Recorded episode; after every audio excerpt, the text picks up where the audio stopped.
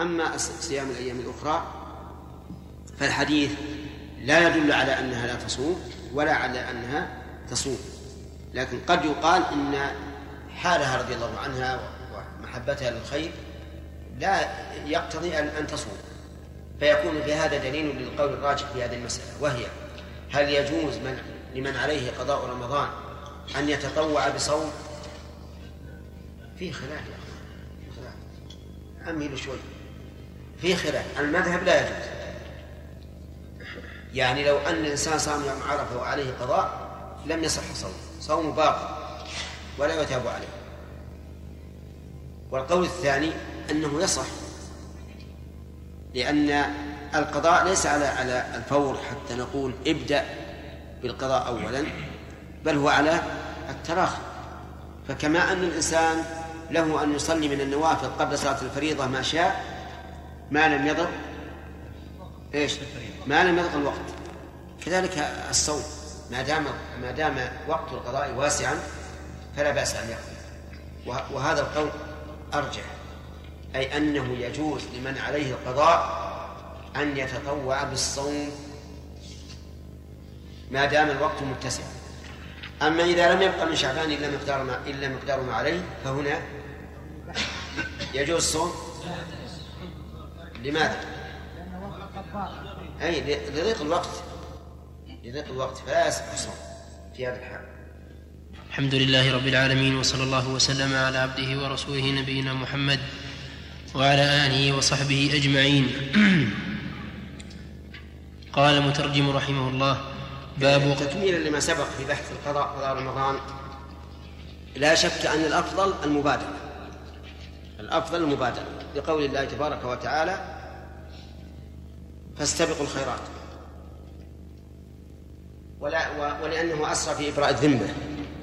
ومن أجل أن يتمكن الإنسان إذا كان صومه دون شهر من صيام ستة أيام من شوال. هذا لا إشكال فيه. وله أن يؤخر إلى أن يبقى بينه وبين رمضان الثاني مقدار ما عليه من من الصيام. ولا يجوز أن يؤخر إلى ما بعد ذلك. فإن فعل فإن فعل فالظاهر أنه آثم. الظاهر أنه آثم كمن أخر صلاة إلى وقت الأخرى.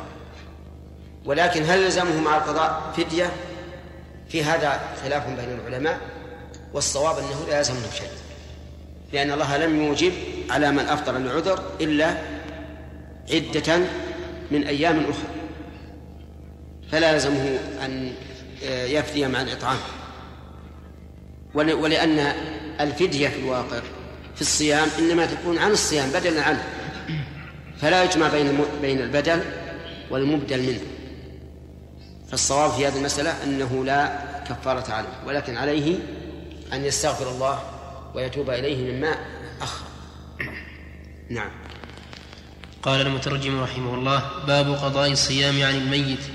قال مسلم رحمه الله تعالى وحدثني هارون بن سعيد الأيلي وأحمد بن عيسى قال حدثنا ابن وهب قال أخبرنا عمرو بن الحارث عن عبيد الله عن عبيد الله بن أبي جعفر عن محمد بن جعفر بن الزبير عن عروة عن عائشة رضي الله عنها أن رسول الله صلى الله عليه وسلم قال من مات وعليه صيام صام عنه وليه. قوله عليه الصلاة والسلام من مات وعليه صيام صام عنه وليه من؟ من أسماء الشرط. وفعل الشرط فيها صام. وجواب الشرط صام عنه ولي. كيف؟ إيش؟ إي من مات لا الأول. فعل الشرط مات. وعليه صيام جملة حاليه وصام عنه ولي هذا جواب الشرط فقوله من مات عام. من؟ اسم شرط للعموم. وعليه صيام أيضا عام. لأنه نكر في سياق الشر فيعم. صام عنه وليه ووليه هو وارثه. لقول النبي صلى الله عليه وعلى آله وسلم ألحق الفرائض بأهلها فما بقي فلأولى رجل ذكر فدل هذا على أن على أن الورثة أولياء. وهذا الحديث هل هو على سبيل الوجوب؟ قوله صام عنه وليه أو على سبيل الاستحباب؟ ننظر. إن نظرنا إلى ظاهر الحديث قلنا أنه على سبيل الوجوب. ولكننا إذا نظرنا إلى الأدلة الأخرى قلنا لا يمكن أن يكون على سبيل الوجوب. لأنه لو كان على سبيل الوجوب للزم من ذلك أن يأثم الولي إذا لم يصم. وقد قال الله تعالى ولا تزر وازرة وزر أخرى. وعلى هذا فيحمل إما على الاستحباب لما فيه من الإحسان إلى الميت وإما على الإباحة لئلا يظن ظان أن قوله تعالى وأن ليس للإنسان إلا ما سعى أن صوم وليه لا ينفعه. أما على الوجوب فلا. فصار الحكم أو فصار الأمر دائرا بين ثلاثة أمور. صالح.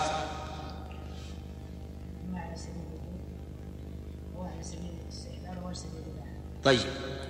على سبيل الوجوب عبد الوهاب. ممتنع؟ نعم. ممتنع لقوله تعالى ولا تزر وازرة وزر. على سبيل الاستحباب. محتمل لما فيه من إحسان الميت.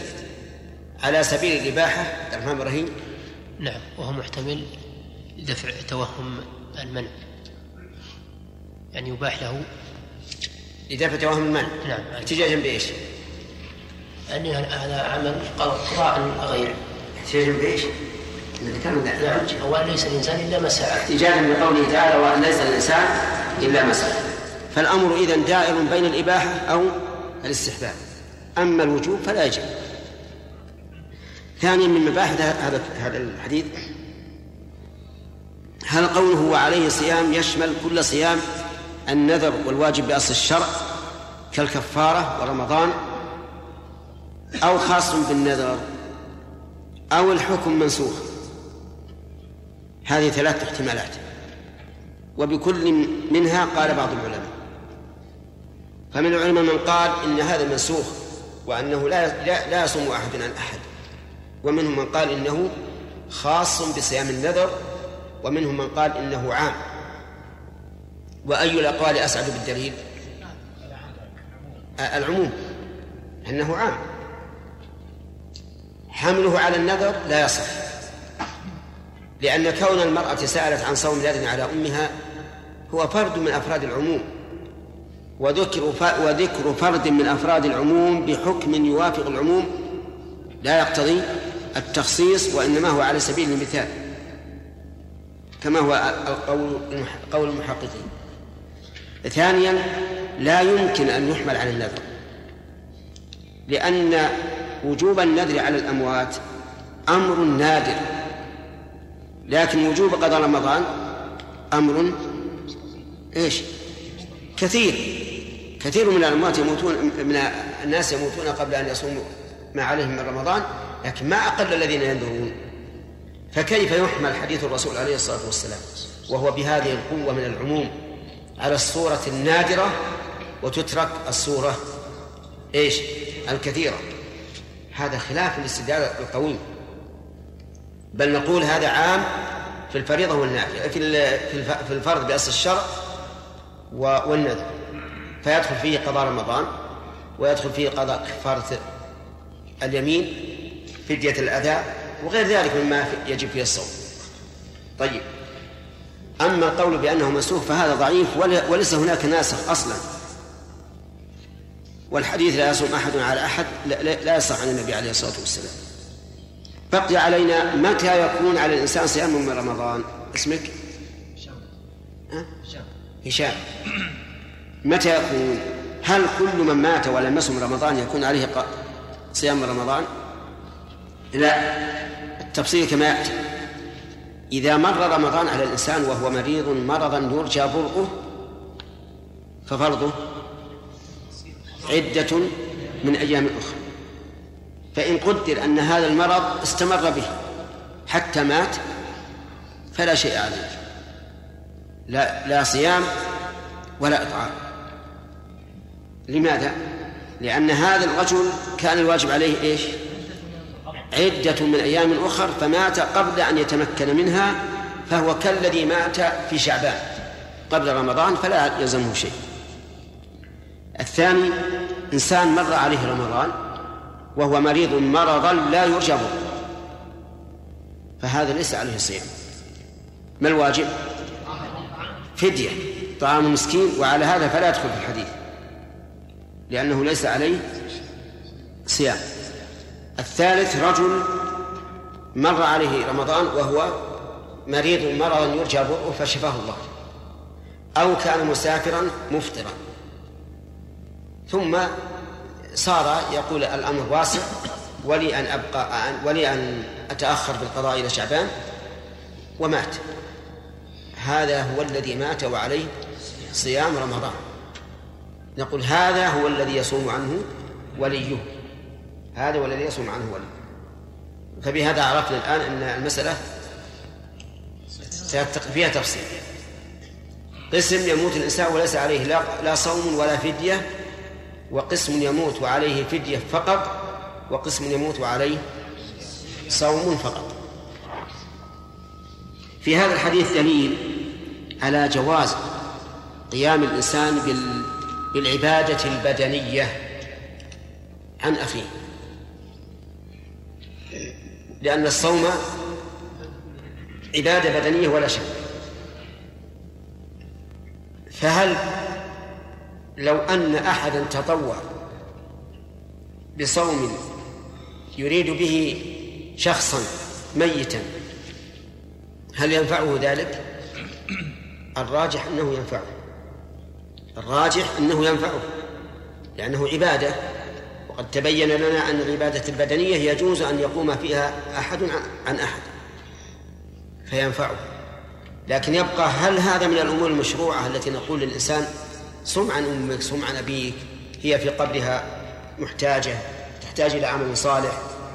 أو نقول إن فعلت فلا بأس وإن تركت فهو أفضل. الثاني الثاني هو الحق إن شاء الله. الدليل على هذا أن النبي صلى الله عليه وعلى آله وسلم لما تحدث عن كون الإنسان إذا مات انقطع عمله إلا من ثلاث قال صدقة جارية وهو الذي يفعلها هو بنفسه أو علم ينتفع به أو ولد صالح يدعو له.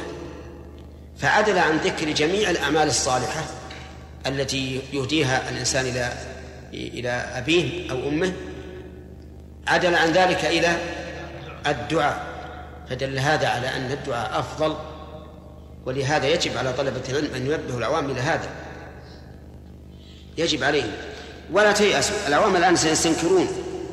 تقول يا فلان ادعو لأبيك استغفر الله أفضل. قال أنا ودي أتصدق عنه برمضان أتصدق عنه على على فقير محتاج. خل دع الصدقة لنفسك وادعو الله له. هذا الذي أرشد إليه الرسول عليه الصلاة والسلام. فالعوام عندهم إصرار على أن يتص... على أن يهدوا الأعمال الصالحة إلى إلى الأموات. فلننبههم ولا تقول هذا شيء ما يمكن التحول عنه. يمكن التحول عنه. كان الناس فيما سبق عندنا لا يعدلون بالأضحية وعشر الوالدين في رمضان شيئا أبدا. أبدا. لو تقول أعمر المساجد وابن الربط لطلبة العلم واطبع الكتب خير لك من أن تدع شيئا لذريتك أو غير ذريتك يتقاتلون عليه في المستقبل. قال أبدا عشر رمضان ما يصير. أضحية ما يصير. لازم أضحي يوم القيامة يجي راكب على أضحيته. هذا هذا كلام العام.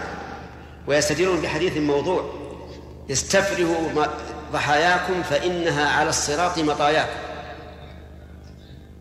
يعني يستفرغوها ضحوا بالأضحية الفارهة الكبيرة الجيدة. وهذا ليس لا يصح عن النبي عليه الصلاة والسلام. فأقول الآن الحمد لله مع تكرار القول للناس وبيان أن الأشياء العامة أنفع من الخاصة والأشياء التي تبعد الورثة والذرية عن النزاع في المستقبل. خير من شيء يبقى ويتنازعون عليه يتعادون, يتعادون عليه حتى إنهم يتخاصمون عند القضاة ويتلاعنون والعياذ بالله. إذا نعود الناس شيئا فشيئا.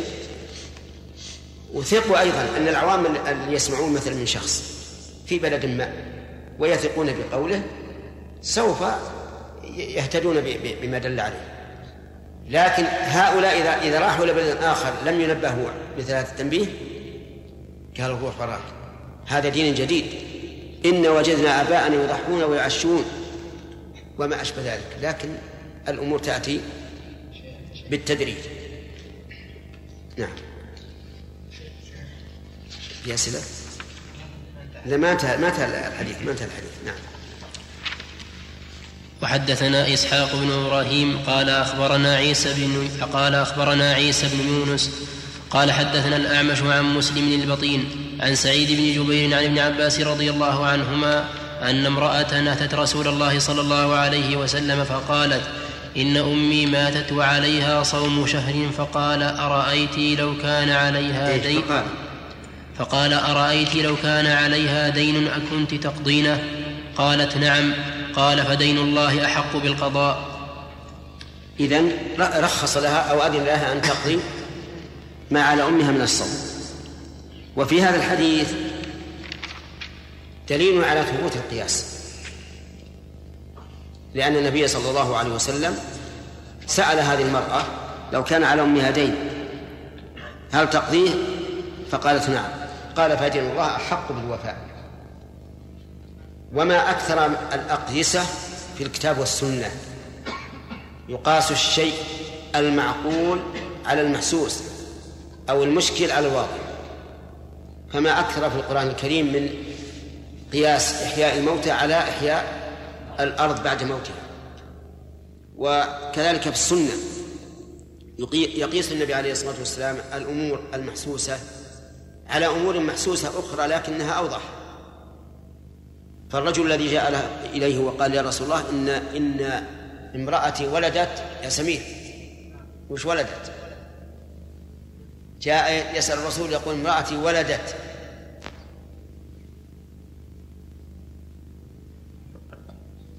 نعم. غلاما أسود. ولدت المرأة غلاما أسود. وهو وأمه. نعم أبيضان. هذا ظاهر الحديث. ولا ما كان الاستفهام له محل. فالنبي عليه الصلاة والسلام لم يقل له شيء. هو من أهل البادية. قال هل لك من إبل؟ تقول يا سليم. ماذا قال له؟ هل لك؟ هل لك من إبل؟ قال نعم. قال ما ألوانها؟ قال ألوانها الحمر قال هل فيها من أورق قال نعم. الأورق يقول العلماء اللي فيه شعر سوداء وشعر بيضاء. فيكون لونه كلون الفضة. وهي الورق. قال هل فيها من أورق قال نعم. قال من أين أتاها؟ هي حمر. ذكورها وإناثها. من أين من أين أتاها الأوراق؟ قال الأعرابي بالبداهة. لعله نزعه عرق. قال فولدك هذا أو قال فابنك لعله نزعه عرق. هذا المثال اطمأن إليه الأعرابي طمأنينة ما فوقها شيء. والكل من هذا وهذا كله محسوس. لكن هذا في البهائم وهذا في الأوادي إلا أنه غاب عن ذهن الأعرابي فقاس له الرسول. أيضا الصوم الآن؟ الصوم قاس النبي عليه الصلاة والسلام. واجب الصوم على واجب الدين. وفي الحديث أيضا من ومن فوائد الحديث أنه إذا اجتمع دين لله ودين للآدم فدين الله أحق. لقوله فدين الله أحق بالوفاء. فدين الله أحق بالوفاء. هكذا استدل بعض العلماء. وقال كلمة أحق اسم تفضيل. والمفضل يقدم على إيش؟ المفضل عليه. فإذا قدر أن امرأة عليها أو رجلا عليه عشرون ريالا صدقة. وعشرون ريالا دينا للإنسان. والتركة عشرون ريال. ماذا نصنع؟ نقدم الزكاة على هذا القول لأن دين الله أحق وقال بعض أهل العلم دين الله دين الآدم أحق بالوفاء لأن دين الله مبني على المسامحة ودين الآدم مبني على المشاحة. والرب عز وجل أكرم من خلقه فيعطى الشحيح الذي لا يسمح ويسأل العفو من يسمح وهو الله عز وجل. فيكون دين الآدمي أحق. وفي المثال الذي ذكرنا عشرين وعشرين والتركة عشرون من نعطي؟ صاحب الدين. والزكاة تسقط وأجابوا عن كلمة أحق. قال إن النبي عليه الصلاة والسلام لم يذكر له صورة فيها حق آدم وحق حق لله. حتى يقول اقضوا حق الله فهو حق. إنما الرسول عليه الصلاة والسلام أراد أنه إذا كان يجوز قضاء الدين عن الميت إذا كان لآدم فدين الله أحق أن يقضى. والمسألة ليست الصورة صورة مفاضلة حتى نقول إن دين الله إن دين الله مقدم على دين الآدم وهذا الجواب لا شك أن جواب سديد واضح.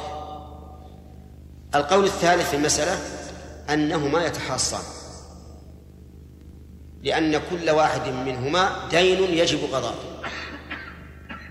فلا نفضل الآدمي على حق الله ولا حق الله على على دين الآدمي بل يقضيان بالحصص.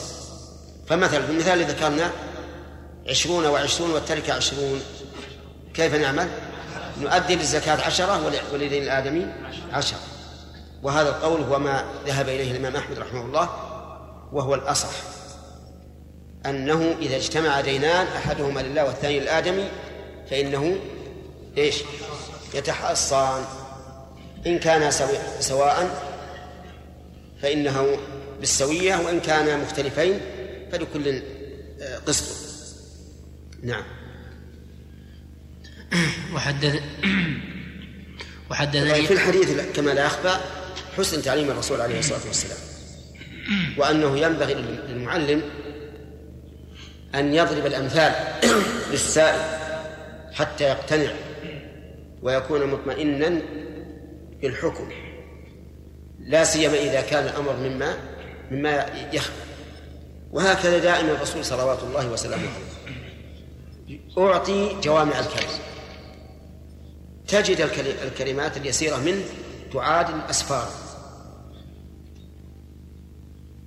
لما شكى إليه الصحابة رضي الله عنهم أنهم يجدون في نفوسهم الوساوس الوساوس الشديدة في جانب الله وفي كل شيء. يقولون نجد في نفوسنا ما نحب أن نخر من السماء ولا نتكلم به. أو أن نكون حممة يعني محترقين ولا نتكلم. فأمر النبي عليه الصلاة والسلام في مثل هذا بكلمتين فقط. وهما فليستعذ بالله ولينتهي استعاذ بالله لجوء إليه عز وجل. وهذا ما لا يقدر عليه إلا الله لأن هذا وحي من الشيطان. والإنسان لا يستطيع أن يدافع الشيطان بل الله عز وجل يدافع الذين آمنوا. الأمر الثاني مما يقدر عليه العبد وهو الانتهاء. أعرض عن هذا تغافل عنه حتى يزول عنك. هذه يقول بعض العلماء يقول لو عرضت هذه على المناطق لكتبوا فيها أسفارا ولا تجد فائدة. كان يقول لك الحادث لا بد له من محدث والسماوات من أحدثها وأنت من أحدث هم يأتون لك بأشياء تزيد شك من منها.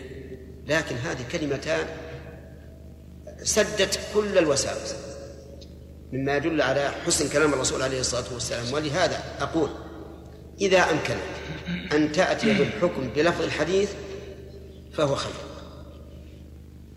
حتى تجمع بين المسائل إيش؟ والدلائل. ولهذا ما أحسن قول الزاد زاد المستقنع وإذا أقيمت الصلاة فلا صلاة إلا المكتوبة. هذا لفظ المتن وهو لفظ الحديث. ولهذا قال شارحه رواه مسلم من حديث أبي هريرة. فإذا أمكن للإنسان أن يأتي بألفاظ الحديث فهو أحسن وأجزل وأفيد وأقرب للاقتناع. والإقناع فعليك بهذا وإذا لم يمكن فتأتي بما بما تعبر به حسب ما يفتح الله عليك ثم تقول لأن الرسول صلى الله عليه وسلم قال كذا. نعم.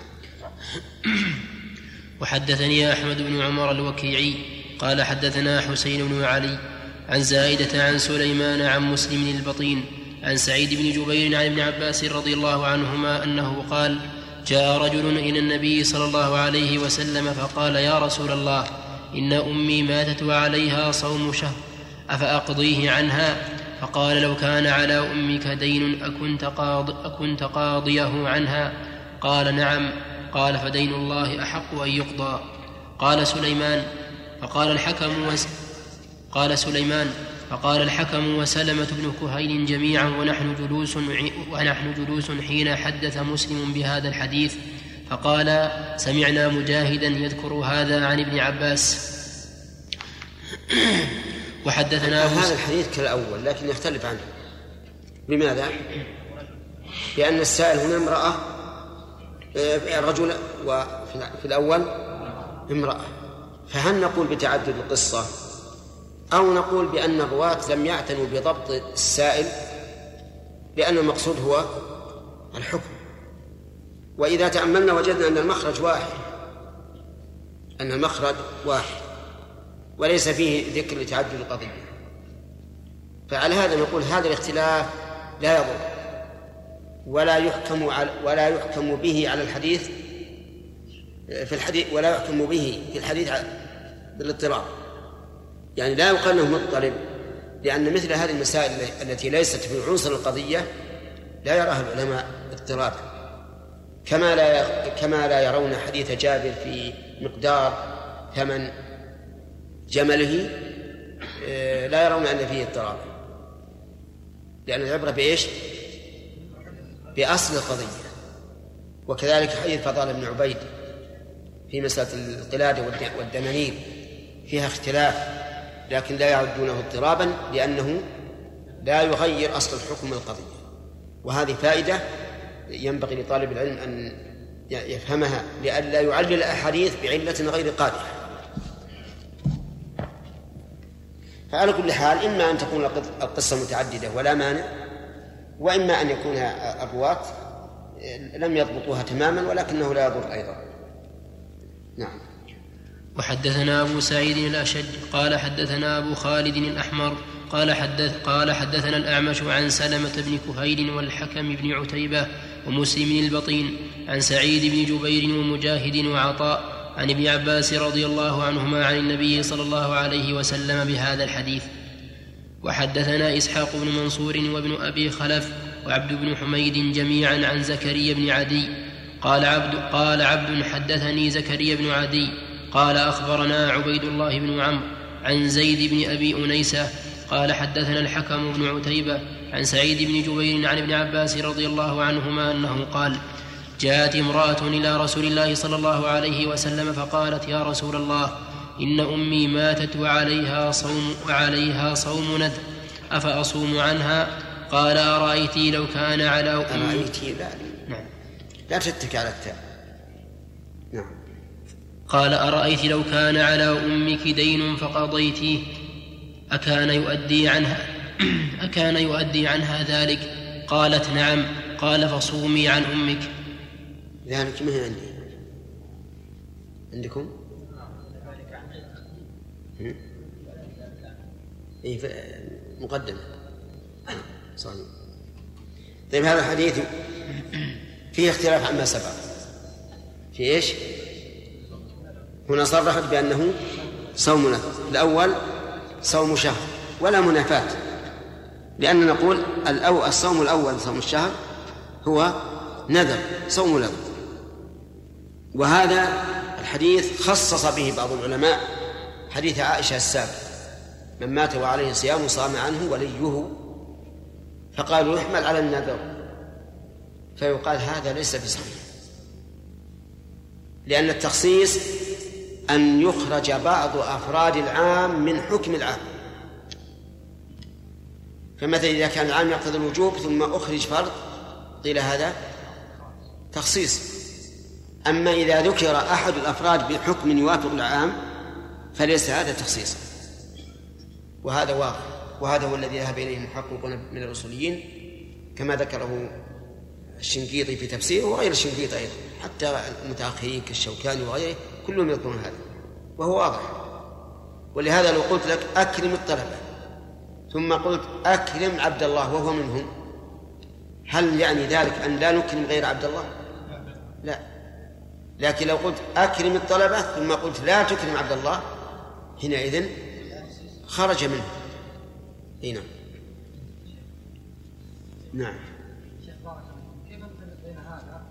وما يقيد قوله تعالى كفاره اليمين وتحرير رقبه المؤمن في كفاره قتل قائل اذا هذا ذكر بعض أفراد الحرام في حكم فلا ينافي فتعتبر يقال هذا وصف مرتفع شرط بدليل حديث معاذ بن الحكم أنه لما سأل النبي صلى الله عليه وسلم أن يعتق جاريته دعا بها فسألها قال أين الله؟ قالت في السماء قال أعتقها فإنها مؤمنة.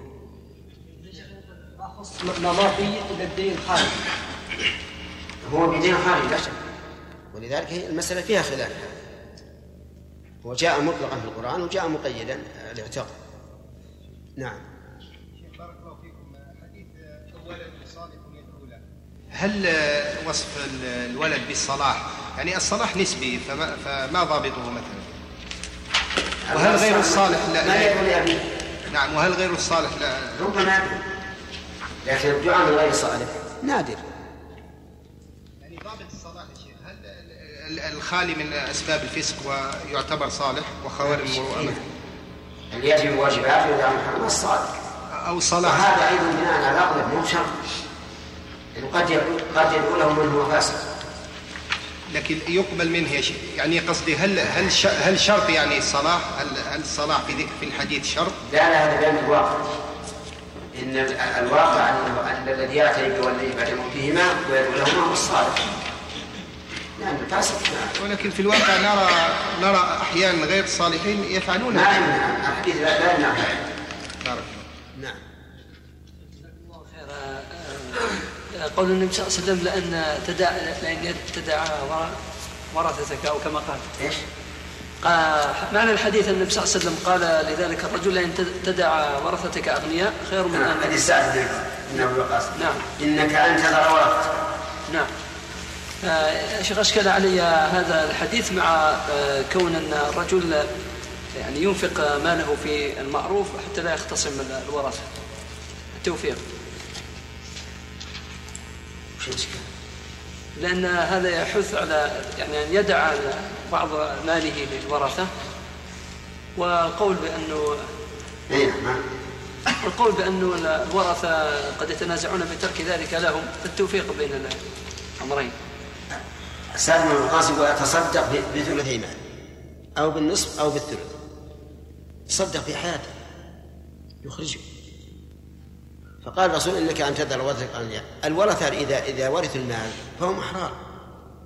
يبدأ الانسان يتخلص من الشركة بالبيع أو غير البيع. لكن الأوقاف اللي التي تعمل عند الناس الآن يشترك الذرية في الوقف ولا يتمكنون من البيع. لأن الأوقاف ما تباع. نتكلم على على عمل الناس؟ ما نتكلم على عمل الناس.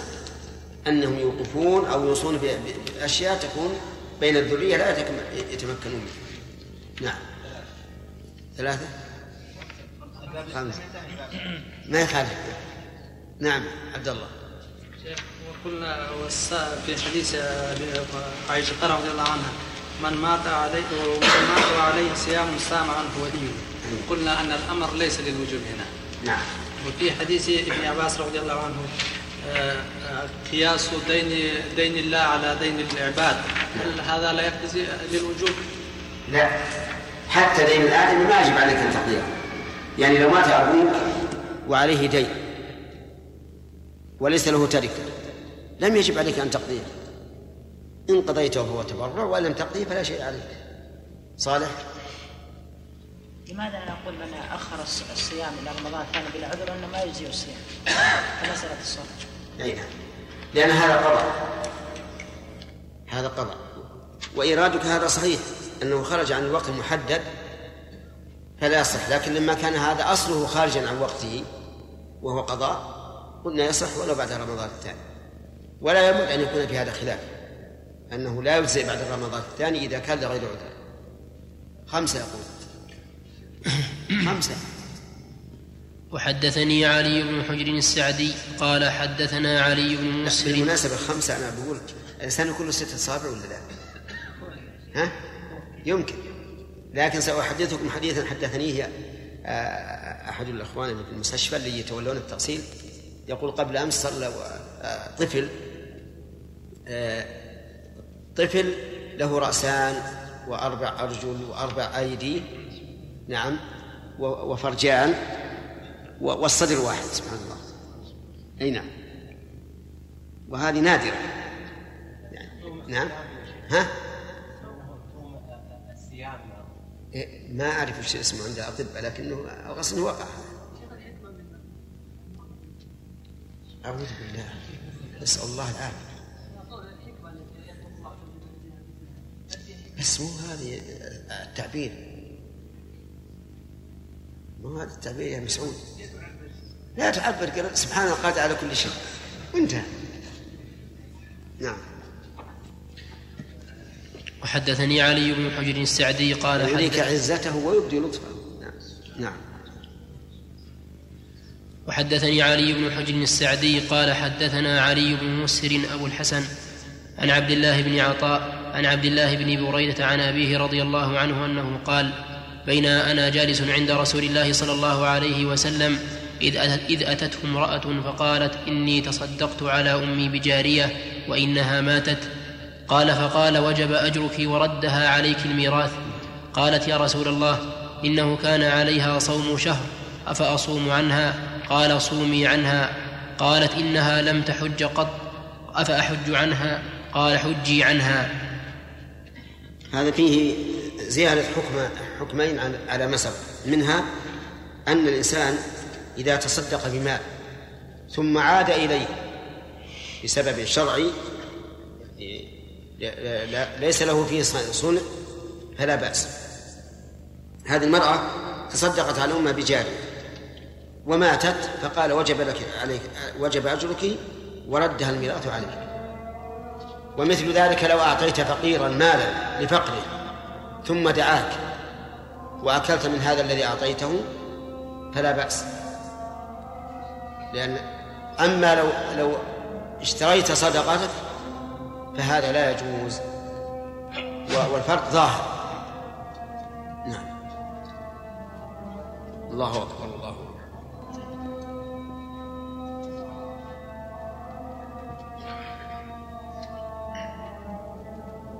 الله أشهد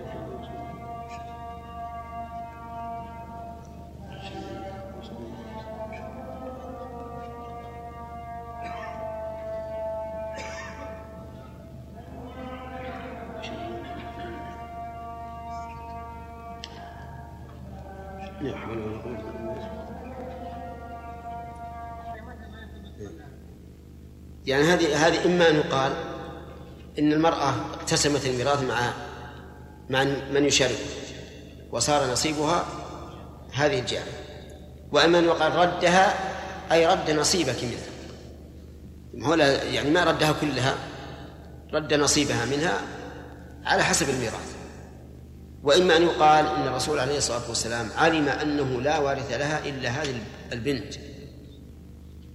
فيكون فيه دليل على القول بالرد. وعلى كل هذه كما قلنا لكم سابقا ونقول ونكرره قضية عين. ما يحكم لها بالعموم وإنما تنزل على حسب ما تقتضيه قواعد الشرع. طيب ذكرنا أنه لا يجوز الإنسان إذا تصدق بصدقة أن يشتريها. ووجه ذلك أن اشتراءها يكون وسيلة للرجوع في الصدقة. والرجوع في الصدقة حرام. رجل أهدى إلى شخص بعيرا تساوي ألف ريال. تصدق ما أهدى تصدق بها صدقة. ثم أراد أن يشتريها. المتصدق عليه سوف ينزل من قيمتها. حياء أو خجلا أو رجاء أن يتصدق عليه مرة أخرى تساوي كم يا سعيد؟ كم قلنا تساوي؟ لا كم تساوي أصل كم باع عليه؟ كم باع عليه بكم؟ أي. كم باع عليه؟ بألف ريال تصدق أنا قلت باعه والصواب تصدق عليه بهذه الناقة وهي تساوي ألف ريال. أراد أن يشتريها الفقير سوف ينزل من قيمتها ربما يبيع عليه بكم؟ 800 لماذا؟ الحج. إنها لم تحج قط. أفا أحج عنها؟ قال حجي عنها. وهذا كما قلنا ليس على سبيل الوجوب ولكن على سبيل الاستحباب. إلا إذا كان الحج قد وجب عليها وخلفت تركة فيجب أن تحج هي أو تقيم من يحج عنها. نعم. وحدثناه أبو بكر وحدثناه أبو بكر بن أبي شيبة قال حدثنا عبد الله بن نمير عن عبد الله بن عطاء عن عبد الله بن بريدة عن أبيه رضي الله عنه أنه قال كنت جالسا عند النبي صلى الله عليه وسلم بمثل حديث ابن مسهر غير أنه قال صوم شهرين. وحدثنا عبد بن حميد قال أخبرنا عبد الرزاق قال أخبرنا الثوري عن عبد الله بن عطاء عن ابن بريدة عن أبيه رضي الله عنه أنه قال جاءت امرأة إلى النبي صلى الله عليه وسلم فذكر بمثله وقال صوم شهر. وحدثني وحدثنيه إسحاق بن منصور قال أخبرنا عبيد الله بن, موسى عن سفيان بهذا الإسناد وقال صوم شهرين. وحدثني وحدثني ابن أبي خلف قال حدثنا إسحاق بن يوسف قال حدثنا عبد الملك بن أبي سليمان عن عبد الله بن عن عبد الله بن عطاء المكي عن سليمان بن عن سليمان بن بريدة عن أبيه رضي الله عنه أنه قال أتت امرأة إلى النبي صلى الله عليه وسلم بمثل حديثهم وقال صوم شهر. باب الصائم يدعى لطعام فليقل إني صائم. إلى الآن نحن في حديث الصوم عن الميت. نعم. باب الصائم يدعى لطعام فليقل إني صائم. حدثنا أبو بكر بن أبي شيبة وعمر الناقد وزهير بن حرب. لطعام يدعى لطعام أو ما في أو ها؟ فليقل إني صائم. عندي أو نعم. أو يقاتل. أو إيش؟ أو يقاتل. ما عندكم بالترجمة؟ الصائم إذا شوتم أو ولا ما في إذا الطعام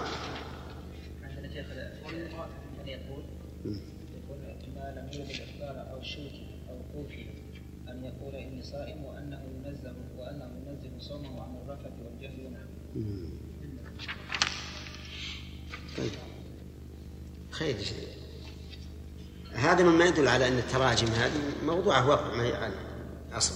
نعم. حدثنا أبو بكر بن أبي شيبة وعمر الناقد وزهير بن حرب قالوا حدثنا سفيان بن عيينة عن أبي الزناد عن الأعرج عن أبي هريرة رضي الله عنه. قال أبو بكر قال أبو بكر بن أبي شيبة رواية وقال عمرو يبلغ, يبلغ به النبي صلى الله عليه وسلم وقال زهير عن النبي صلى الله عليه وسلم قال إذا دعي أحدكم إلى هذه ثلاث صيغ. ثلاث صيغ. الأولى والثانية في حكم الرفع. والثالثة مرفوعة صريحة. الأول يقول رواية. لكن ما يقول قال الرسول. رواية آه، إذا إذا أصبح أحدكم يوما صائما. نعم لا. إذا دعي أحدكم إلى طعام. والثاني يقول آه، يبلغ به إذا دعي أحدكم إلى طعام. والثالث قال عن النبي صلى الله عليه وسلم. فهذه الصيغ الثلاث اختلافها كما ذكرنا. نعم. اي حتى هذه في حكم الرفع نعم. وقال زهير عن النبي صلى الله عليه وسلم أنه قال إذا دعي أحدكم إلى طعام وهو صائم فليقل إني صائم.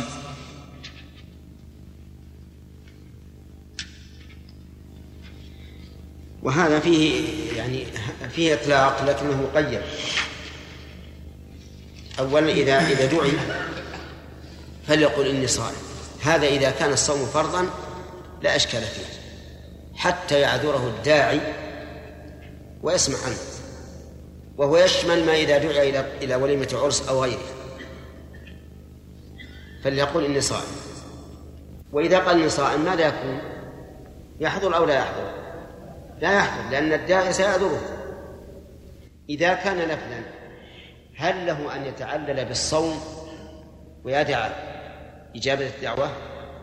نقول في هذا تفصيل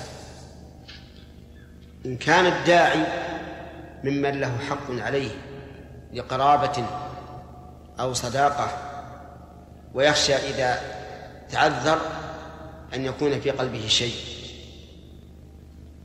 إما لكون هذا الرجل المدعو لم يقدره وإما لما يخشاه من تحدث الناس لماذا لم يأتي فلان لطعام صديقه لماذا لم يأتي لطعام قريبه؟ فهنا نقول الأفضل أن يحضر وأن لا يتعذر. يحضر ثم إذا حضر فالذكي يعرف كيف يتخلص. إذا قال تفضل يلا ماشي يجلس على الطعام نعم ويستخدم نفسه لإخوانه. هذا يقطع له الحمل وهذا يجيب له آه، صحن مرق وهذا يواسي له الأسماق. المهم يستطيع يتخلص. ولا يشعر الناس أنه لم يأكل. نعم. فعلى كل حال إذا كان يخشى من محذور فليحضر ولو كان صائما فإذا كان رب الوليمة على رأسه ورآه يشتغل بخدمة الحاضرين قال له تفضل يا فلان ورا ما تأكل. نعم. أطعامنا حرام؟ حينئذ ماذا يبقى؟ لا بد من الأكل. الآن لا بد من الأكل. ولا لا شك أن الدين والحمد لله فيه سعة فيه تيسير فيه جلب المودة نعم. باب حفظ اللسان للصائم. حدثني زهير بن حرب قال حدثنا سفيان بن عيينة عن أبي الزناد عن الأعرج عن أبي هريرة رضي الله عنه رواية رواية قال إذا أصبح أحدكم يوما صائما فلا يرفث ولا يجهل فإن امرؤ شاتمه أو قاتله فليقل إني صائم إني صائم. مثل هذا الحديث ينبغي لطالب العلم إذا كان عنده كتاب مصطلح أن يقيده في صيغ الأداء لأنه أحيانا يعوز الإنسان أن أن يجد مثالا يعني مثالا واقعيا. فتجد مثلا إذا شرح الطلاب يقول إذا قال الصحابي آه، كابن عمر مثل أبي هريرة رواية فهو مرفوع حكما لكن ينسى ما مر به من الأحاديث التي تعتبر مثالا واقعيا. فمثل هذا يعني يجب العناية به وأن يقيده الإنسان ويضعه على هامش كتابه أو على حاشيته. باب فضل الصيام. نعم.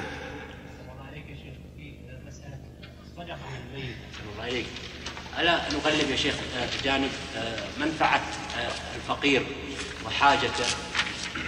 بلى إيه هذا شيء مقصود شرعا. طيب يا شيخ. دفع حاجة الفقير لكن لما لا لما لا تجعل الثواب لك؟ الفقير إذا جعلت الثواب لك أو للميت كل سواء نقول هنا يا شيخ هنا منفعة للميت ومنفعة إلى إلى أليس الرسول أثبت منا بالخير؟ طيب ليش ما ما أرشدنا لهذا؟ ما قال أو ولد صالح يتصدق له ومع أن الحديث بسياق في سياق الأعمال إذا مات الإنسان انقطع عمله والصدقة من العمل فعدل عن ذلك إلى هذا والرسول عليه الصلاة والسلام أحكم الخلق. لا شك في هذا. وأنت الآن أنت بسعة لكنك سوف تفتقر إلى العمل الصالح كما افتقر إليه هذا الملك. فاجعل العمل لنفسك والدعاء لأخيك كما أرشدك إليه النبي عليه الصلاة والسلام. نعم. من مات وعليه صيام صام عنه ولي ظاهره ولو وليه ترك ترك إيه؟ ولو أبى الولي أن يصوم هل يطعم؟ هو الأصل الإطعام إذا أبى أن يصوم يجب أن يطعم عنه إذا كان ممن يجب عليه الصوم حسب الأقسام الثلاثة التي ذكرنا. هو يجب عليه الصيام فقط. من؟ الميت. أيوة. ما يجب عليه نعم يجب عليه الصيام فقط. نعم. لكن إذا لم نجد من يصوم؟ من يصوم يطعم. يصوم كالمريض الذي لا يرجع لا يرجع طيب بقينا في الحديث الذي معنا في الواقع كان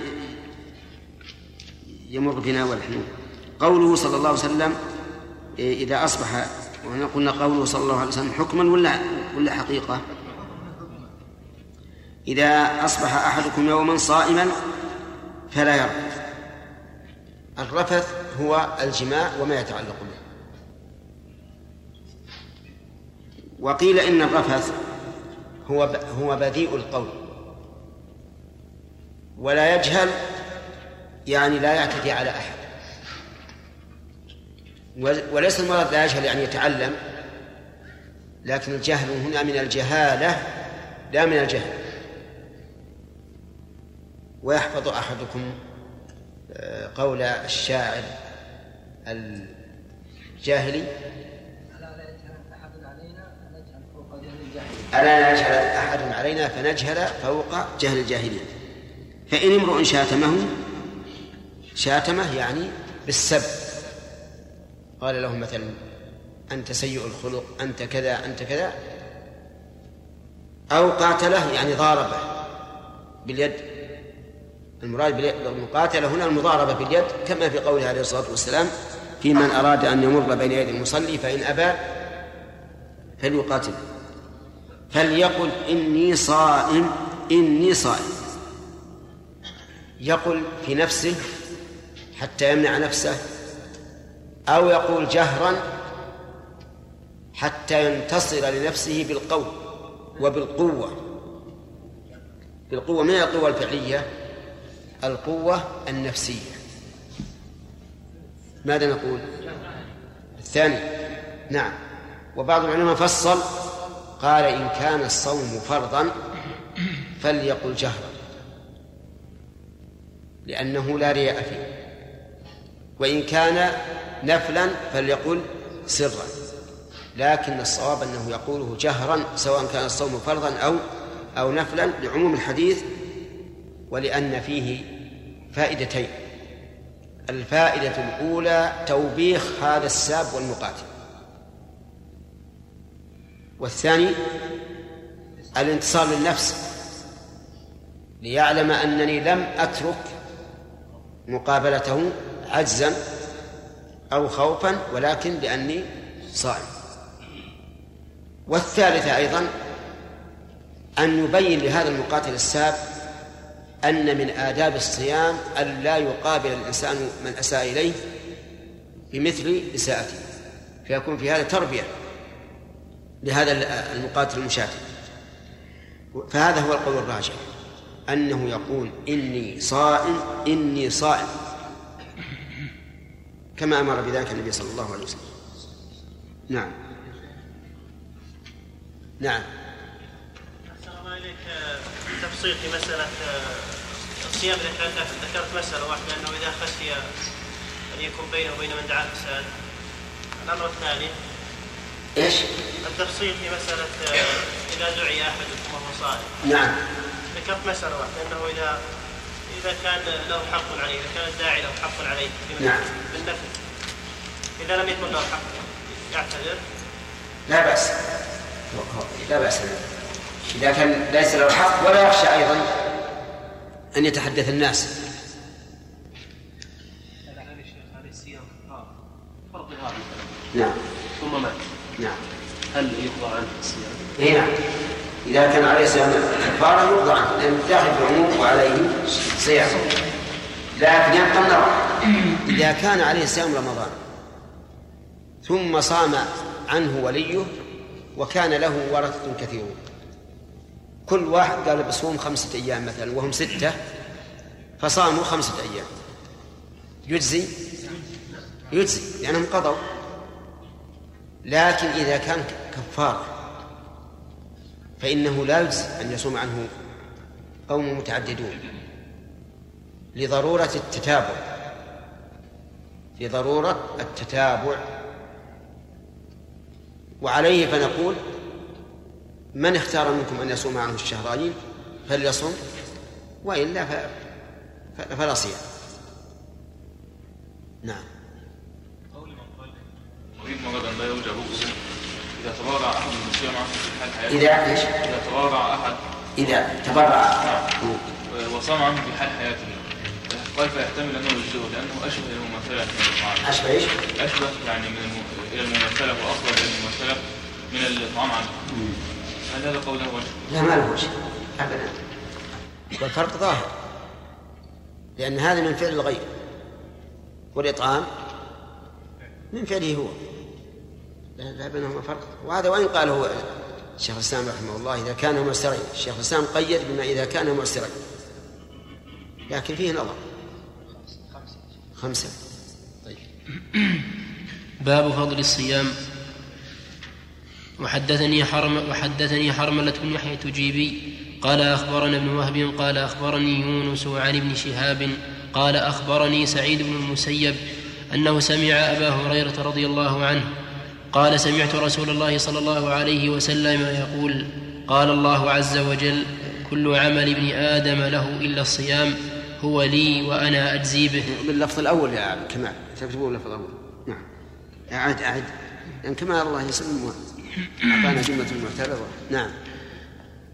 أنه سمع أبا هريرة رضي الله عنه قال سمعت رسول الله صلى الله عليه وسلم يقول قال الله عز وجل كل عمل ابن آدم له إلا الصيام هو لي وأنا أجزي به فهو الذي نفس محمد بيده لخل فهو الذي نفس محمد بيده لخلفة فم الصائم أطيب عند الله من ريح المسك.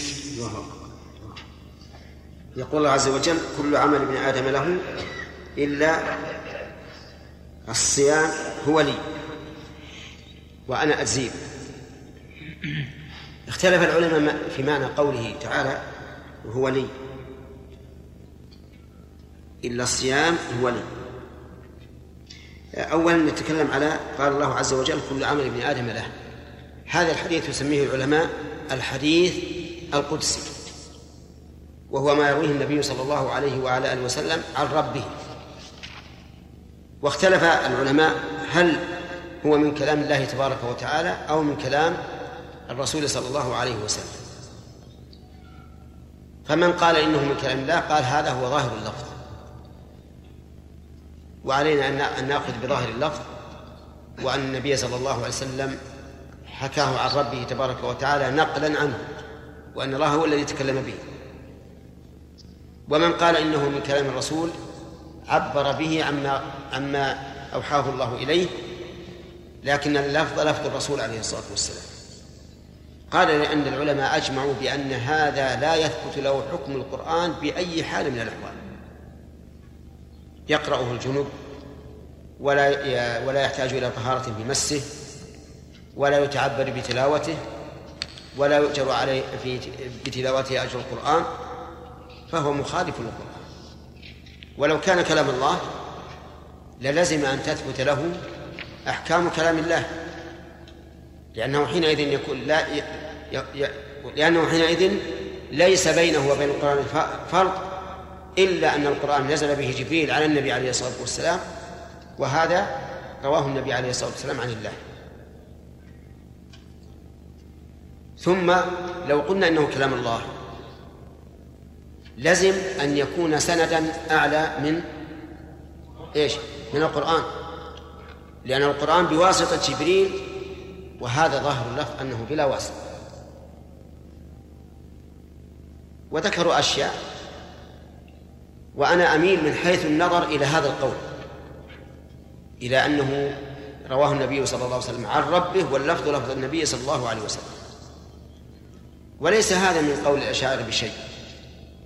الأشاعرة يقولون كل كلام الله عز وجل حتى في الأمور الكونية في قوله للشيء كن ليس الكلام كلام الله. بل هو إيش؟ عبارة عن كلام الله. أما هذا فنحن نتكلم عن شيء معين رواه النبي صلى الله عليه وسلم عن ربه. بقي أن يقال كيف الرسول صلى الله عليه وسلم يقول؟ قال الله واللفظ ليس لفظ الله. نقول لا مانع. لا مانع أن يقال قال فلان واللفظ ليس لفظه بدليل كل الأمم التي حكى الله عنها في القرآن والرسل يقول قال فلان. قال نوح قال موسى وعن أممهم قال فرعون قالوا يا صالح وهل قالوا هذا بهذا بهذا الترتيب وبهذه اللغة؟ قطعا لا. ولذلك ليس لو قلنا بهذا لازم أن لا تكون هذه الكلمات التي نقلها الله معجزة لأنها كلام الغير منقول. وهي معجزة بلا شك وهي كلام الله بلا شك. فينسبها الله عز وجل إلى قائليها واللفظ لفظ من؟ لفظ الله عز وجل. الكلام كلام الله عز وجل. فالكلام كلام الله وهو ينسبه عز وجل إلى من شاء من خلقه. ولا ولا غرابة أن ينسب القول إلى قائله بالمعنى. لكني بعد ذلك رأيت حينما يعني مر علينا التعمق والتنطع وكراهة النبي عليه الصلاة والسلام للتعمق والتنطع. رأيت أن الأولى والأسلم والأحسن. أن يقال الحديث القدسي ما رواه النبي صلى الله عليه وسلم عن ربه ونقتصر على هذا. لأن الصحابة رضي الله عنهم ما سألوا الرسول هل الله قاله بلفظه أو قاله بمعناه. وما دام الأمر والحمد لله واسعا ولا نكلف إلا ما بلغنا فإننا نقول لا لا لا نتكلم بأنه كلام الله لفظا والرسول عليه الصلاة والسلام رواه عن ربه بلفظه أو أنه كلام الله والرسول صلى الله عليه وسلم آه، رواه بلفظ الرسول. ما لنا داعي بهذا؟ نقول الحديث القدسي ما رواه النبي صلى الله عليه وسلم عن ربه فقط. ورأيت أيضا أن هذا مع كونه بعيدا عن التعمق والتنطع أهيب للحديث القدسي. أهيب للحديث القدسي. إذا قلنا قال الرسول عن ربه كذا صار في قلب الإنسان هيبة. بخلاف ما إذا قلنا نقله الرسول بالنار. مع أن كلام الرسول الحمد لله في قلوب في قلب كل مؤمن جعلنا الله وإياكم منهم هيبة لكلام الرسول عليه الصلاة والسلام. فهذا ما رأيته أخيرا أن نقول ما لنا ولهذا البحث. الأسلم والأحسن هو أن نقول إيش؟ ما رواه النبي صلى الله عليه وسلم عن ربه كما عبر به بعض الصحابة قال النبي فيما يرويه عن ربه ونسكت عن ما عدا ذلك. ولسنا والحمد لله مكلفين بهذا الشيء حتى نقول لا. قال المترجم لصحيح مسلم رحمه الله تعالى باب فضل الصيام. قال مسلم رحمه الله تعالى وحدثني حرملة بن يحيى التجيبي قال أخبرنا ابن وهب قال أخبرنا ابن وهب قال أخبرني يونس عن ابن شهاب قال أخبرني سعيد بن المسيب أنه سمع أبا هريرة رضي الله عنه قال سمعت رسول الله صلى الله عليه وسلم يقول قال الله عز وجل كل عمل ابن آدم له إلا الصيام هو لي وأنا أجزي به والذي نفس محمد بيده لخلفة فم الصائم أطيب عند الله من ريح المسك. هذا الحديث فيه فيه دليل على فضل الصيام. آه، فمنها أن الله سبحانه وتعالى قال كل عمل ابن آدم له. وقد فسر هذا بأن معناه الحسنة بعشر أمثالها إلى سبعمائة ضعف إلى أضعاف كثيرة إلا الصيام. فإنه لي. واختلف في معنى قوله فإنه لي. هل المعنى أن الله تعالى يثيب عليه بلا مقابلة بمعنى أنه لا تكون الحسنة بعشر أمثالها إلى سبعمائة ضعف بل بل يثيب عليه بحسب كرمه وجوده وفضله. فيكون كقوله تعالى إنما يوفى الصابرون أجرهم بغير حساب. وهذا ليس ببعيد لأن الصيام فيه صبر على أمور ثلاثة على طاعة الله وعن معصية الله وعلى أقدار الله. فيكون داخلا في عموم إنما يوفى الصابرون أجرهم بغير حساب. فيكون هنا وجه الاستثناء أن الأعمال تقدر يقدر ثوابها الحسنة بعشر أمثالها إلى إيش؟ سبعمائة ضعف إلى أضعاف كثيرة. أما أما أما الصيام فليس له حد. هذا وجه. الوجه الثاني فإن كل عمل ابن آدم له إلا الصيام فإنه لي. أن الصيام أن أعمال بني آدم يقتص منها للمظلوم. يعني يؤخذ منها للمظلوم من الظالم إذا كان عابدا لا بأي عبادة. لأن النبي صلى الله عليه وعلى آله وسلم قال لأصحابه من تعدون المفلس فيكم؟ قالوا من ليس عنده درهم ولا دينار أو قالوا ولا متاع. قال المفلس من يأتي يوم القيامة بحسنات أمثال الجبال. فيأتي وقد ظلم هذا وضرب هذا وشتم هذا وأخذ مال هذا فيأخذ هذا من حسناته وهذا من حسناته وهذا من حسناته. فإن لم من حسناته شيء أخذ من سيئاتهم فطرح عليه ثم طرح في النار. فالأعمال غير الصيام يجازى آه، يعني يقع فيها المقاصة. بين الظالم والمظلوم. أما الصيام فإن الله تعالى يختصه. لا ينقص منه شيء. حتى في حق المظلومين لا يؤخذ منهم من ثواب الصيام. واضح؟ هذان وجهان. وجه ثالث كل عمل ابن آدم له يعني كل عمل ابن آدم يمكن أن يريد به حظا من الدنيا. في المراءة إلا الصيام فإنه لا رياء فيه. لأن الصيام عبارة عن إمساك وهو خفي سر بين الإنسان وبين وبين ربه لا يطلع عليه إلا الله. يجتمع إليك جماعة أحدهم صائم لا تدري هل هو صائم أو لا. كلهم لم يأكلوا من طعامك لكن الصائم لا تدري من. فهو سر بين العبد وبين ربه فصار في قوله فإنه لي كم؟ ثلاثة أقوال. وقد قدمنا أنه متى تحمل النص الأقوال الثلاثة بدون مناقضة فإنه الأقوال المتعددة قصد فإنه يحمل عليها.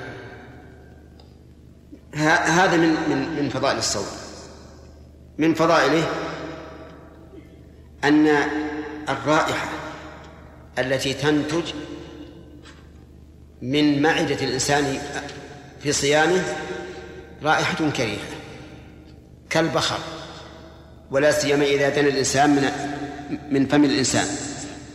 هذه الرائحة مكروهة عند الناس لكنها عند الله طيبة أطيب من ريح المسك لأنها ناتجة عن عن عبادته وطاعته فهي أطيب عنده من رائحة المسك.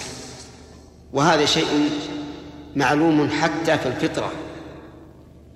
الإنسان إذا كان يحب ابنه وصار ابنه له رائحة كريهة. هذه الرائحة الكريهة عند عند أبيه طيبة. لكن لو كانت من ابن الناس لنفغ منها ولم تكن طيبة. فالرب عز وجل لما كانت لما كان الخلوف فم الصائم المكروه في مشام الناس ناشئا آه نعم. لما كان خلوف المكروه في مشام الناس ناشئا عن طاعة الله صار محبوبا إلى الله أطيب عند الله من ريح المسك. وهذا مما يضرب به المثل في طيب الرائحة. نعم. حدثنا نعم. آه، استدل بعض العلماء بهذا الحديث على أنه يكره للصائم أن يستاك في آخر النهار حينما يتبين ريح الخلوف. ولكن لا دلالة فيه. لأن هذه دلالة مستنبطة ينازع فيها. والأدلة الكثيرة الكاثرة تدل على استحباب استحباب السواك في كل وقت. كما في حديث عائشة أن النبي صلى الله عليه وسلم قال السواك مطهرة للفم مرضاة للرب. وقال لولا أن أشق على أمتي لأمرتهم بالسواك مع كل وضوء. وهذه أدلة عامة. لا يمكن أن تخصص بمثل هذا الاستنباط الضعيف. فالصواب أن السواك سنة للصائم في أول النهار وآخر النهار.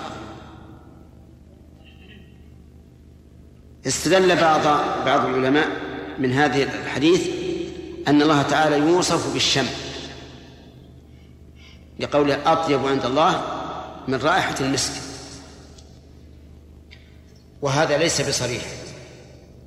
ولذلك لا يجوز الجزم به لعدم الصراحة إذ قد يكون إدراك الله تبارك وتعالى لهذه الرائحة عن طريق العلم. عن طريق العلم لا عن طريق الشم.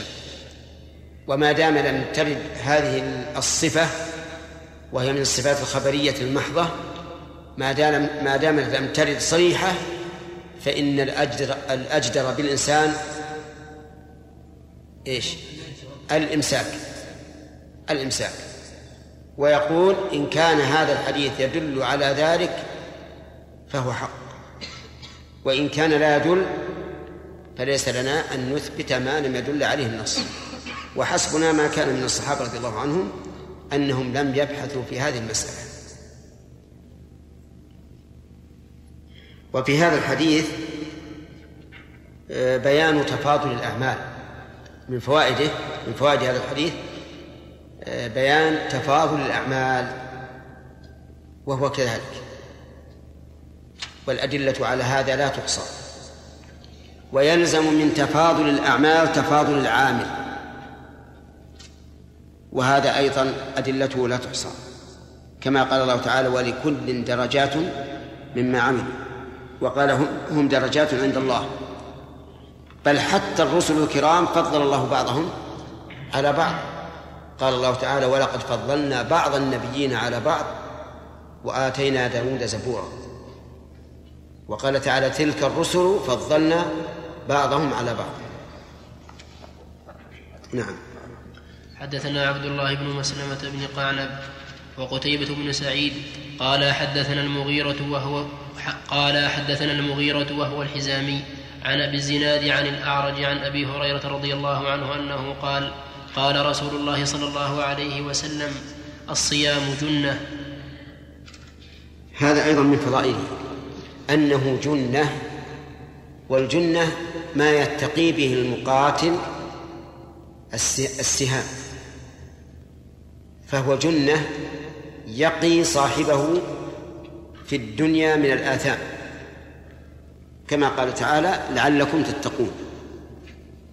ويقي صاحبه من النار يوم القيامة.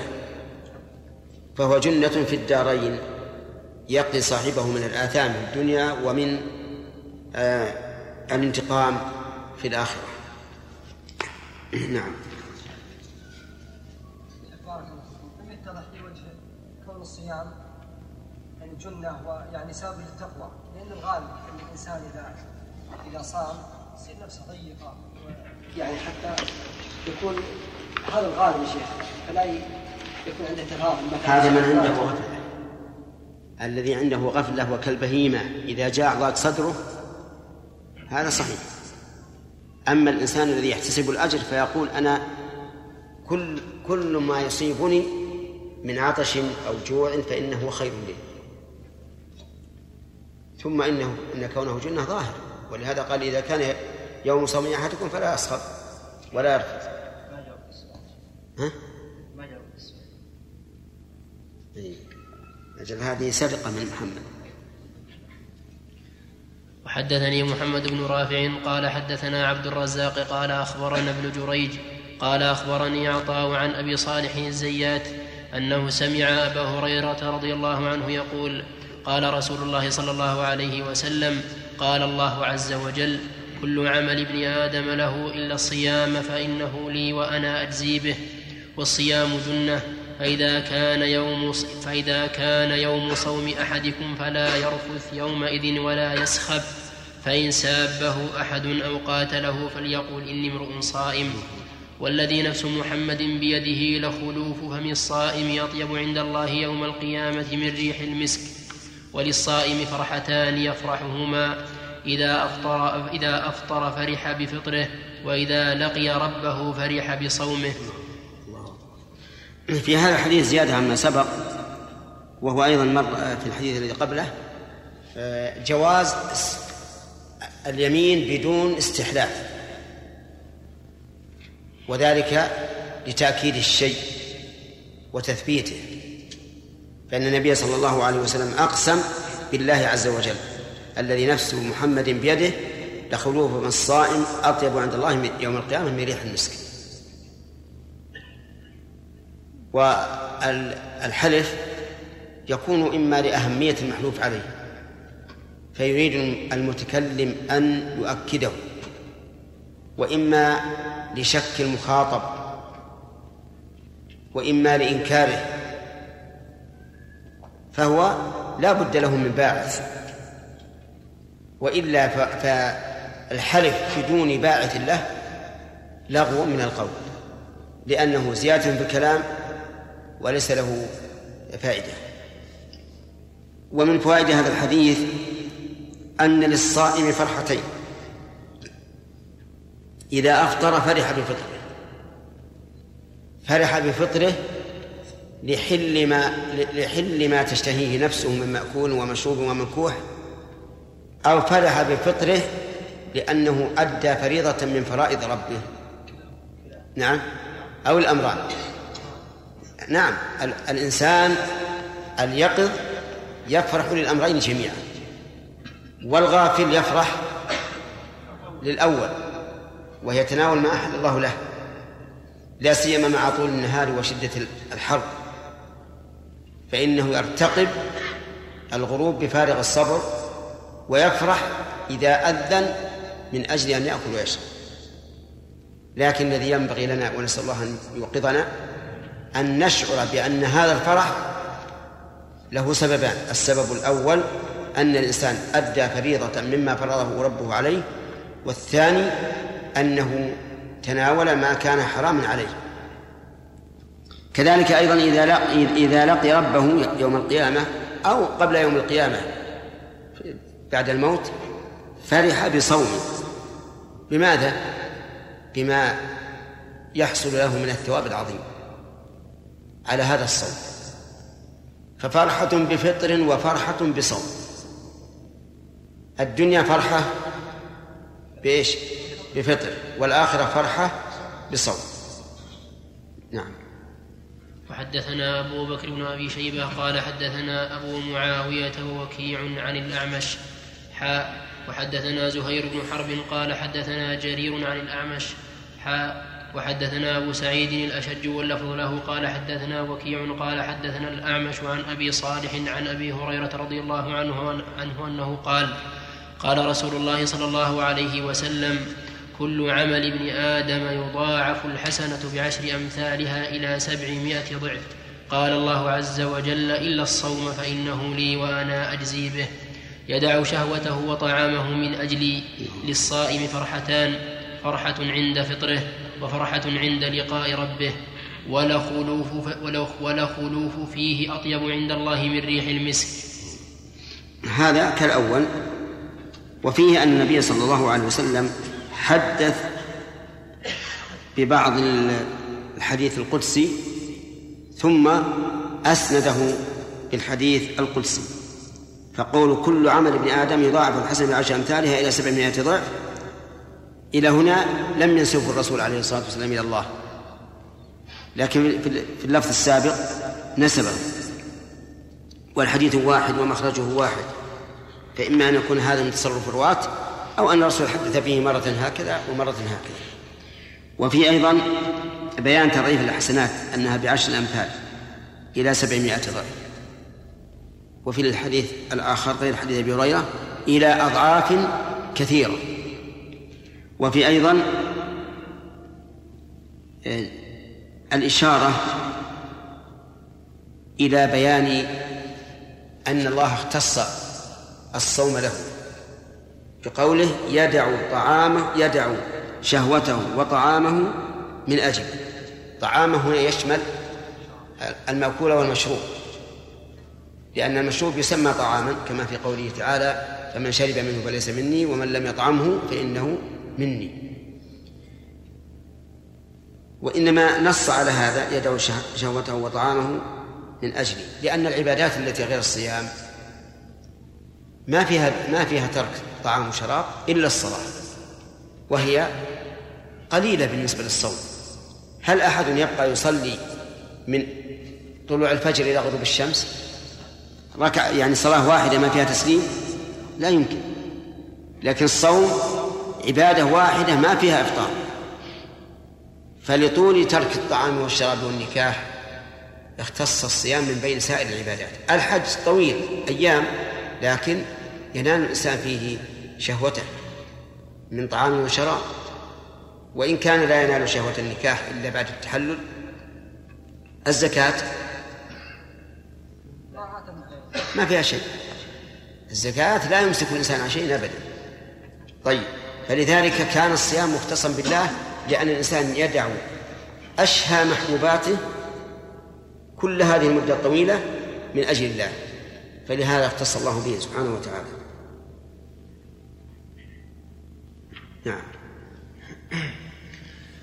وحدثنا أبو بكر بن أبي شيبة قال حدثنا محمد بن فضيل عن أبي سنان عن أبي صالح عن أبي هريرة وأبي سعيد رضي الله عنهما أنهما قالا قال رسول الله صلى الله عليه وسلم إن الله عز وجل يقول إن الصوم لي وأنا أجزي به إن للصائم فرحتين إذا أفطر إذا أفطر فرح وإذا لقي الله فرح. والذي نفس محمد بيده لخلوف فم الصائم يطيب عند الله من ريح المسك. نعم. وحدثني. وحدثني إسحاق بن عمر بن سليط الهذلي. قال حدثنا عبد العزيز يعني ابن مسلم. قال حدثنا ضرار بن مرة. وهو أبو سنان بهذا الإسناد قال وقال إذا لقي الله فجزاه فرح. حدثنا أبو بكر بن أبي شيبة قال حدثنا خالد بن مخلد وهو القطواني عن سليمان بن بلال قال حدثني أبو حازم عن سهل بن سعد رضي الله عنه أنه قال قال رسول الله صلى الله عليه وسلم إن في الجنة بابا يقال له الريان. يدخل منه الصائمون يوم القيامة لا يدخل معهم أحد غيرهم. يقال أين الصائمون؟ فيدخلون منه. فإذا دخل آخرهم أغلق فلم يدخل منه أحد. هذا أيضا من فضل, الصيام أن الله تعالى جعل له في الجنة بابا خاصا. وقد قال النبي عليه الصلاة والسلام إن في الجنة إن للجنة أبوابا. كل باب يدعى منه من؟ كان أكثر عمله منه. فالذي أكثر عمل الصلاة يدعى من باب الصلاة. الذي أكثر الصيام يدعى من باب الريان والذي أكثر عمل الصدقة من باب الصدقة. والذي أكثر عمل الجهاد من باب الجهاد. وليس المعنى أن هؤلاء لا يعملون من الصلاحة إلا الصيام. لا. لكن أكثر عباداتهم وتطوعاتهم الصيام. فيدخلون من هذا من هذا الباب الخاص. ثم يغلق. ففي هذا دليل على فضل إكثار الصوم. ولكن من أجل أن من أجل رحمة الله عز وجل بعباده أن أفضل الصوم يوم لك ويوم لربك. أن تصوم يوما وتفطر يوما. فلو قال القائل أنا أريد أن أصوم الدهر قلنا لا صام من صام الأبد أو لا صام من صام الدهر. الأفضل صوم يوم وفطر يوم يوم لك ويوم لربك.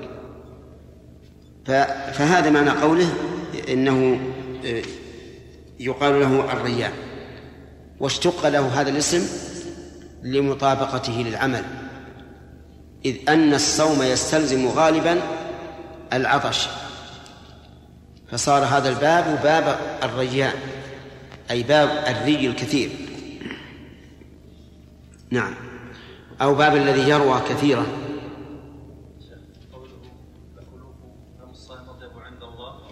يوم القيامة. نعم. فقيل في يوم القيامة. نعم. هل يكون هذا في يوم القيامة فقط؟ هو الظاهر لأنه هذا هو يوم الجزاء.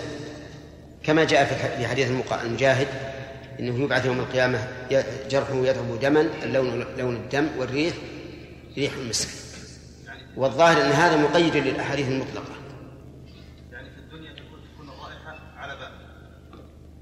أي نعم. أي نعم. لك- لكن عند الله يوم القيامة أطيب من ريح المسك. هل هذا خروج المرتد يعني؟ كيف؟ إذا صام ثم ارتد. لا إذا صار مرتد حبط عمله ما له ولا ولا إلا الخيبة في وجهه. نعم. شيخ الحديث حديث الصيام. والترغيب فيه ب- هذا- هذا يشوق يشوق الإنسان. وش وص- ويرد في الحديث إن لا يقبل عمل حتى تقبل الصلاة يا شيخ يوم القيامه. يعني ما والفضل بينهم. يعني يمكن مقدار الصلاة فضل الصلاة أكثر من ما في شك الصلاة أك- أكبر بكثير من الصوم. ما في إشكال. ولهذا من تركها كفر والصوم لا يكفر تارك. إلا من جحد وجوبه فيكفر سواء صام أو لم يصم. رياض أحسن الله إليك. في الحديث فمن سبه أو فمن- فإذا سبه أحد أو شتمه فليقل صائم. طيب يا شيخ لو سبه وقال له صائم فازداد مثلا. إيش؟ فازداد فيه بطشا من؟ الآخر. قال صائم أيوة يا شيخ لو ازداد بطشا كل ما قال له إني صائم ازداد الآخر بطشا ألا يرضعه؟ ي- إذا قال صائم وزاد بالسب. قال أنت مرائي أنت متفتف أنت مطوع مثلا أو ما أشبه ذلك. يقول صائم يزيد الآخر يزداد ضربا يا شيخ بس لا لا ضربا يدافع عن نفسه. لكن لا يضرب. يدافع عن نفسه. المدافع لا بد منه. نعم. التقييد بيوم القيامة في الحديث هل معناه أنه يبعث يوم القيامة وتنبعث أنا أقول لك إن هذا إن عند مثل مثل دم الشهيد. لكن عاد ينبغي حقيقة أن نحرر هذه اللفظة. شاذ لأن ما ندري أن الرواة هل الذي زادها حافظ ثقة فإنه يمكن. أصل هل هو حافظ ثقة؟ فيمكن أن يقال أنها مقيد للأحاديث. أو أن أنه يعارض من هو أضعف منه فيكون شاذا فلا بد إن شاء الله تحررها أنت إن شاء الله. لا يا شيخ. بعد اختبار قضينا من الباب. نعم. طيب. نعم عبد الوهاب. خمسة؟ طيب. أربعة يلا خذ. الله عليك يا شيخ. صدق الأخ حجاج. ضاع عنك السؤال الآن لا عندي السؤال يا شيخ. يلا اسأل اسأل اسأل. الله عليك يا شيخ.